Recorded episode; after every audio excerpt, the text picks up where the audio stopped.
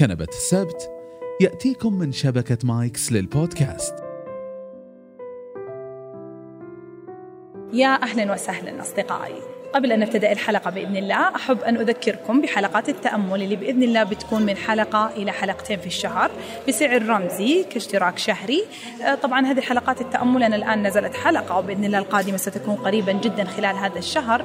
آه، فكرتها أنها تكون جلسة تأمل أرشد آه، أرشدكم فيها إلى طريقة تخفيف ضغط تخفيف توتر وعدة مواضيع أخرى قادمة. زيادة الامتنان زيادة استيعاب لحظتك الحالية ومقدرتك حرصك على عيش اللحظة وأمور ومواضيع كثيرة أفصل فيها في كل حلقة بإذن الله. فكرة التأمل هي طبعا ما هي فكرة صنعتها أنا هي موجودة لكني حبيت أني أكون أنا مرشدتكم فيها فأتمنى تشتركون وتكونوا معي في هذه الرحلة الجميلة.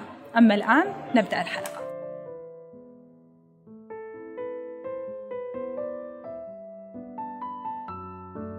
يا أهلا وسهلا بالصباحين والمسائيين من اصدقائي الجميلين، مرحبا بكم في حلقة جديدة من بودكاست كنبة السبت، البودكاست الذي يحمل طابع نفسي واجتماعي وفلسفي في أحيان أخرى لوجهة واحدة وجهة الإثراء الممتع. طبعا الحلقة اللي يشوفها الآن مرئية حتكون في اليوتيوب طبعا قد تكون مختلف من نوعها نوعا ما. آه نحن اليوم في معرض الكتاب آه الدولي والمعرض اللي أنا أحبه جدا طبعا ويمثل جزء كبير من هواية يعني هي جزء مني هواية القراءة. طبعا أعتز وأفتخر أن أكون في يعني أقدم هذه الحلقة من البودكاست في هذا المعرض الذي يقام سنويا وزي ما قلت أنه أعتز كون السعودية تفعل هذا الشيء يعني تظهر للجميع وتظهر لشعبها أننا أمة تقرأ فعلا. اليوم الحلقة أيضا مختلفة في الساوند تراك أو في خلفيتها. ما حتسمعون صوت موسيقى هادئ بل تسمعون أحاديث وممكن الناس اللي اللي يتجولون يدورون كتب. الكتب اللي يبغونها. الكتب اللي يحبونها أيضا آه، حيكون مختلف في نوعها. فما أعتقد أنها حتكمل سلسلة الحلقات السابقة في محتواها. سأتحدث اليوم بعفوية بسلاسة عن فلسفتي الخاصة. بما أنه بودكاست فلسفي فأتكلم عن فلسفتي الخاصة في القراءة. القراءة طبعا لو ببدأ فيها ولو ببدأ في مقدمة أهمية القراءة ما حخلص يعني. وأعتقد آه، كثير من الكتب وكثير من الأدباء والكتباء والكتاب تكلموا عن القراءة وأهميتها في ليس فقط تغيير الشخص بحد ذاته أو تغيير الفرد وشخصيته بل حتى في تغيير مجتمعات وتغيير شعوب. أحيانا حتى السياسة ممكن تتحول فقط بالكتابة والقراءة. فالقراءة شيء جدا كبير والكلام عنه كثير لكن كتجربة شخصية القراءة بالنسبة لي يعني كانت جوهر في تغيير شخصيتي في تغيير طريقتي في الحياة. يعني ما أقولها كلام مبتذل حقيقة يعني أنا مو من وقت طويل قرأت. قصتي في القراءة أنه أنا تقريبا عمر 18 19 يعني لم أكن يعني هذاك الشخص اللي نشأ في بيئة يعني أو في عائلة يقرؤون بنهم. ممكن أنه الحمد لله متعلمين مثقفين لكن لم يكن هنالك القراءة جزء كبير في البيت. ف فبالتالي يعني كنت شخص لا أقرأ إلين عمر 18 19 سنة. فلما جت العمر هذا شعرت إنه أنا في شيء ناقص في حياتي في شيء أنا أبغى أوصل له أبغى أنجزه بس بس في شيء قاعد يعني ناقص ممكن إنه مو قاعد يساعدني. فمن هنالك بدأت القراءة وفي الحقيقة اللي كان يعجزني عن القراءة هو قدرتي على التخيل أو قدرتي على التركيز. فكنت لما أفتح الصفحة أو أفتح الكتاب يعني أكمل على سطرين ثلاثة أربعة أتشتت. أو تظهر لي كنت دائما حتى أقول لواحده من خواتي كانت قارئه فكنت أقول لها إنه تجيني صور صور صور أمام وجهي فما أستطيع إنه أنا أكمل حتى الصفحة. فسبحان الله شفت فيلم كان اسمه The Gifted Hand الفيلم عن حقيقي عن قصة مقتبس من واقع يعني عن قصة حقيقية لجراح أعصاب اسمه بن كارسون أمريكي من جنسية أفريقية. فهو كان في بيئة يعني في الفيلم كان في بيئة جدا عنصرية. الحي جدا فقير وعنصري وكان عندهم أي أحد أسود ما يعلمونه بالطريقة زي ما يعلمون آه، البيض هناك. آه، كانت في فترة أيضا العنصرية فكان الوضع جدا متأزم من ناحية التعليم. أمه كانت أمية كانت أمية بالكامل لا تقرأ ولا تكتب وكان عندها يعني صعوبة جدا في تعليم أبنائها لأنها هي بنفسها غير متعلمة. لكنها رأت في ابنها بن كارسن شيء مختلف تماما. رأت أنه هو عنده حب للفضول وهذه هي القراءة فعليا. هي هي الفضول.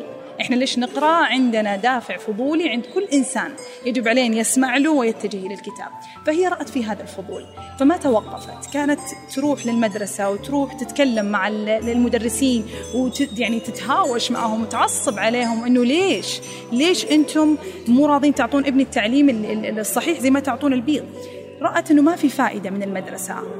إيش قالت له؟ قالت له إحنا حنرتبك وحنرتب مخك ونعدل مخك بالقراءة فقط. فكانت تأخذ ابنها وفعليا كانت تمسك الكتاب بالمقلوب لهالدرجة هي أمية لا تعرف حتى شكل الكلمة.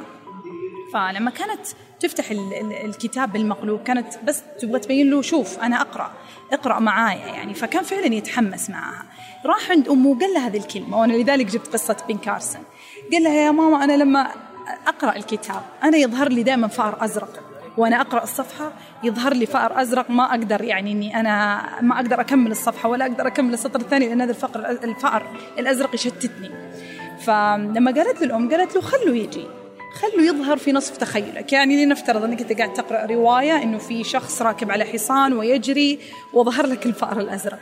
خل الفأر الأزرق يجري مع الحصان. جاري جاري صعوبة الخيال هذه. جاري خيالك المشتت. إلى أن يستقيم إلى أن تتحسن إلى أن تصبح أنت مدير خيالك. بالفعل بن كارسون أخذ بنصيحة أمه. وكان كل ما يقرأ رواية أو أي كلام وتظهر له هذه الصور كان يجاريها. كان يمشي مع الأمر ويخلي هذا الفأر الأزرق يتمشى معه.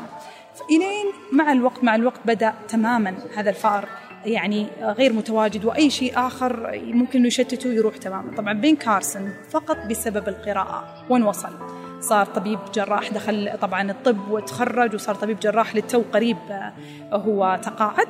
أيضا دخل إلى يعني صار في سكرتارية البيت الأبيض. وأيضا ترشح للرئاسة. كله من وين؟ من أمه التي آه، دعته وخلته يسعى للقراءة. فالقراءة ما هي بالشيء السهل طبعا أنا من قصة بن كارسون وشفت الفيلم هذا أتذكر عام 2011 شعرت إنه أنا مو لحالي اللي عندي صعوبة في في نسج خيالي أثناء القراءة أو حتى في متابعة خيالي. فوجدت إنه اذا الأمر هو ممارسة. اذا القراءة هي ممارسة هي ليست بهبة وليست بشيء يعني أنت إما تخلق فيه أو إما ما تخلق. هي ممارسة أنت تنميها في نفسك زيها طبعا هي ممارسة عقلية. فزيها زي الممارسة الجسدية لما الواحد يروح جيم إحنا ما نخلق بهذه الرغبة القوية إننا نحافظ على صحتنا وجسدنا والرغبة القوية إننا نروح الجيم ونسوي الرياضات لا لكن في ناس عندهم إرادة في ناس ما عندهم إرادة. فبالتالي الممارسة الجسدية هي نفسها الممارسة العقلية في آه، الخوض في القراءة ومحاولة وضع القراءة. ما أقول جزء من يومك لو صعب علينا الأمر لكن على الأقل جزء من حياتنا جزء من طريقة عيشنا ومن أسلوب عيشنا. أرجع أقول لو أنا بتكلم عن فوائد القراءة ما بخلص لكن كفكرة أساسية أن القراءة ما نوصي فيها كتوصية عادية زي لما أقول لكم أوصيكم بالفيلم الفلاني والله بيلهمكم أوصيكم بفعل كذا والله بيسعدكم. القراءة توصية أكبر من كذا. توصية نوصيها لأبنائنا حكومة حكومات توصيها شعوبها بلدان تفعل زي هذه المعارض. من أجل أن يكون القراءة جزء من شعبها فالقراءة هي وسيلة لنضوج آه، شعوب ما هي على المستوى الفردي فقط. فهي تربي تهذب تحسن وأنا أبغى أجيها أنه كيف تحسن وترتب وتهذب لأننا إحنا نسمع هذه الكلمات بشكل كبير فتكون تقريبا كلمات كأنها مبتذلة. أن تحسن تهذب طب إيش؟ إيش قصدنا تحسن وتهذب؟ هذه الكلمات هي حقيقة إنه الإنسان عندما يقرأ اولا يكون إنسان أكثر. هذه لازم إحنا نؤمن بهذا الشيء. وهذا القارئ الجيد على فكرة. لأنه قبل لا أنا أقول على كيف تهذب وتحسن لازم نعرف إنه في قارئ فقط من أجل أن يقرأ. وهذه قد تكون ترى. يعني في جواتنا رغبة فطرية في تحقيق ذواتنا ورغبة في قبول الآخرين لنا. فهذه موجودة فعليا. لكن لأنها تكون هوسي أو رغبتي الأساسية في القراءة هذه لن تؤدي بك القراءة إلى شيء وما حتوديك مكان إذا كانت هذه رغبتك القوية والحقيقية والواحدة. إنك أنت فقط تبغى القبول من الآخرين والله أنت مثقف وأنت عندك كلام تقوله أو إنك أنت راضي عن نفسك بهذه القراءة هذا ليس بكافي. لازم القراءة تكون فيها رغبات أكبر من كذا. وهذه الرغبة أنت تنميها أنت تكبرها أنت تسويها في نفسك. اللي هي زي ما قلت اولا إنك أنت تقرأ من أجل نفسك. من أجل نموك العاطفي من أجل نموك النفسي والروحي. إيش قصدي نمو العاطفي؟ هنا لما أقول تهذيب النفس. نمو العاطفي أنت تكون إنسان أكثر عندما تقرأ. بالذات بالذات يا جماعة أنا أتكلم عن عن الكتب الثقافية والأدبية من روايات من قصص من خواطر. تهذبك من ناحية تكون إنسان أكثر لأنك تفهم المشاعر أكثر. تفهم الناس أكثر. أنت ما تستطيع إنك أنت والله تكلم كل أحد وتعرف قصص حياتهم توقف شخص وتعرف إيش جوانبه الضعيفه وتفهم إيش اللي اللي حزن وإيش اللي تعب وإيش اللي ضعف وإيش اللي قواه. لكن تقدر تقرأ رواية فيها أربعة إلى خمس شخصيات. الشخصيات هذه عميقة جدا في وصفها لمشاعرها في وصفها لمواقفها آه، في حبكة آه، أحداثها. فبالتالي تفهم هذه الأحداث تفهم هذه المشاعر. فحتى لو لم تكن أنت مارست هذه المشاعر بمفردك في حياتك وفي ظروفك تكون فعليا قرأتها في كتاب وقرأتها في مكان آخر لتفهمها وتتفهمها. فبالتالي لما تكون إنسان أكثر بعد التفهم هذا وبعد الخوض في مشاعر الآخرين داخل الروايات والقصص إيش يصير؟ تصير إنسان أكثر تقبل أكثر فهم للناس. إذا أنت رأيت إنسان يقول أنه يقرأ وهو غير يعني محاور غير جيد إنسان ما يعرف يتفهم مشاعرك يرد مثلا بوقاحة. على الأغلب ما حيكون فعلا آه، قارئ بحق وحقيق ولم يأخذ القراءة بالشكل اللي يجب أن يؤخذ به. فالقراءة فعليا هي يفترض أنها تجعلك تفهم مشاعر الآخرين تجعلك تتقبل الآخرين وهذا ينقلني إلى النقطة الأخرى أنها تجعلك آه، لا تتعصب لأفكارك لا تتعصب لآرائك. القراءة تجعلك تشوف وجهات نظر كثيرة جدا في الرواية الواحدة في القصة الواحدة مئة ألف وجهة نظر. وأرجع أقول إحنا ما نتكلم عن كتب علمية فيها أرقام وهذا الرأي هو الرأي الصائب إلين يأتي تأتي دراسة أخرى على مداد سنين. لا هذه وجهات نظر هذه مشاعر إما تكون صحيحة إما تكون غلط. فهي تعلمك كيف أن في أمور في الحياة في منطقة رمادية في أمور في الحياة لها عدة أوجه في أمور في الحياة لها آراء كثيرة فتصير لما أنت تكون عندك أفكار معينة ما تتعصب تقول في احتمالات عدة في أشياء كثيرة هذا هو القارئ الجيد. اليوم أنا أغلب حديثي أنا ما أبغى أقول اقرأوا please أغلب اللي يمكن يعني عنوان الحلقة اقرأ يعني. فأغلب اللي ممكن يسمعوا الحلقة يكونون قارئين أو قرأوا لو قليلا ممكن اللي جو حتى في المعرض اليوم هم أصلا قارئين. أنا أبغى أقول كيف نقرأ؟ كيف نقرأ؟ فلما أنت تجي تقرأ تذكر أن القراءة لنموك النفسي والعاطفي أنت بحد ذاتك. تأكد أنك أنت ترتب أفكارك. تجعل أفكارك زي ما قلت أقل تعصبا أكثر سلاسة مع الناس أكثر تفهم. وأخيرا يجب عليك لما تضع الأفكار ووجهات النظر في منطقة رمادية زي ما قلنا يجب علينا أن نترك مجال للتساؤلات. مجال للتساؤلات. كل أفكارنا تحتمل أن تكون خطأ. ففكرة أنك تقول هل هي خطأ أم هي التشكك زي ما قلنا هو شيء ممتاز شيء يجعلك تتقدم شيء يجعلك ترغب في القراءة أكثر بكرة في النمو أكثر بكرة. لازم تضع فراغ بين الصفحة والأخرى لازم تضع فراغ بين الكتاب والآخر. هذه فلسفتي الخاصة على الأقل. فالكتاب يجب أن يهضم زي الطبخة يجب عليه أن يطبخ يطبخ يطبخ حتى ينضج. لما ينضج هنا كذا بيصير طعمه فعلا رائع. لكن مؤخرا يعني هو ممكن يكون شغف عند البعض يكون شغف. يلا نختم هذه السنة 80 كتاب يلا نختم هذه السنة 90 كتاب يلا تحدي 100 كتاب.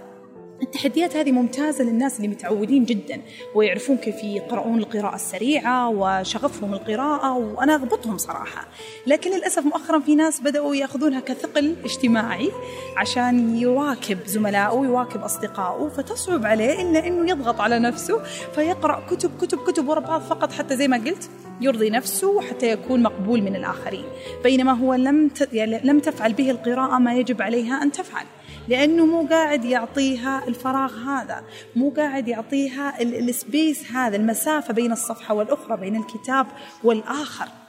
في آه، في يعني في لمسة فنية وثقافية عند اليابانيين يسمونها ال ma. ام اي ال ma هذه هي عبارة عن وسيلة يسوونها في الفن والثقافة عندهم إنهم دائما يتركون فراغات. يمكن نلاحظ في لوحات الفن الياباني تكون مثلا شجرة ساكورا كبيرة فتكون كلها بيضاء بس بقع وردية صغيرة فروع صغيرة. دائما في بيوتهم تلقى مساحة فاضية كبيرة بعدين طاولة صغيرة نبتة صغيرة. ففي مساحة كبيرة. ليش هذه المساحة؟ المساحة والفراغ أحيانا هو المولد للإبداع الحقيقي. لأنه الإنسان المتلقي لأي شيء لما يطالع في أي فن أو في أي منظر أو في أي فكرة هو يبغى ترى مساحة لعقله أن يجيب. يعني لما أنا أجي قدام زهرة الساكورا هذه ترى مخي يكمل اللوحة. مخي حتى لو ما كان مخ فنان مخ واحد والله شايف مليون لوحة لا. إحنا سبحان الله في عندنا فص إبداعي كلنا لكن كل واحد ودرجه الدرجة اللي نماها فيه. فلما يجي نطالع هذه اللوحة أنا مخي ترى كمل اللوحة كمل اللوحة بهذه المساحة. وهذا الفن الإبداعي اللي يسويه الفن الياباني أو التكنيك المعين هذا ما. في الكتب فلسفتي الخاصة إنه يجب أن يكون هنالك مساحة يجب أن يكون هنالك فراغ بين الكتاب والآخر بين الصفحة والأخرى. حتى فقط آه، تولد التساؤلات من بعد الصفحة حتى تجيب عليها.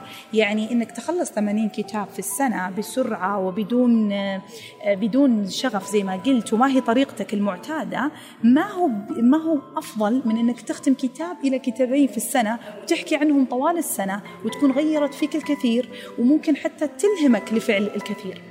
هذه هي القراءة الحقيقية وهذا هو القارئ الحقيقي. طبعا أنا زي ما قلت لكم الحلقة هذه مختلفة كانت حلقة فقط ثقافية بسيطة حبيت أني أضع فيها فلسفتي الخاصة في القراءة وأدعو فيها للقراءة والقراءة الجيدة أنه طريقة القراءة. وتركزون ماذا ماذا تصنع منك هذه القراءة. تأكد أن تصنع منك محاور جيد تأكد أن تصنع منك إنسان مو شرط يعني ذو خطابة عالية لا. تأكد أنها تصنع منك إنسان متفهم متقبل للرأي الآخر يتوقع احتمالات عدة فيحب الجميع الجلوس معه والحوار معه. تأكدوا أنكم تتركون مسافة للتساؤلات وللتشكك بعد كل كتاب تقرؤونه التشكك المحبب اللي دائما أدعو فيه. هذا كل ما لدي اليوم. أعرف أنها حلقة صغيرة وأنتم مصدومين أفنان تتكلم أقل من نص ساعة لكن يحدث أحيانا. أتمنى أنكم تكونون استمتعتم. أتمنى فعلا يكون إثراء ممتع. وإلى كنبة سبت قادمة بإذن الله. وإلى اللقاء. شكرا لاستماعكم لهذه الحلقة. ويسعدنا جدا مشاركتكم لها مع من تحبون.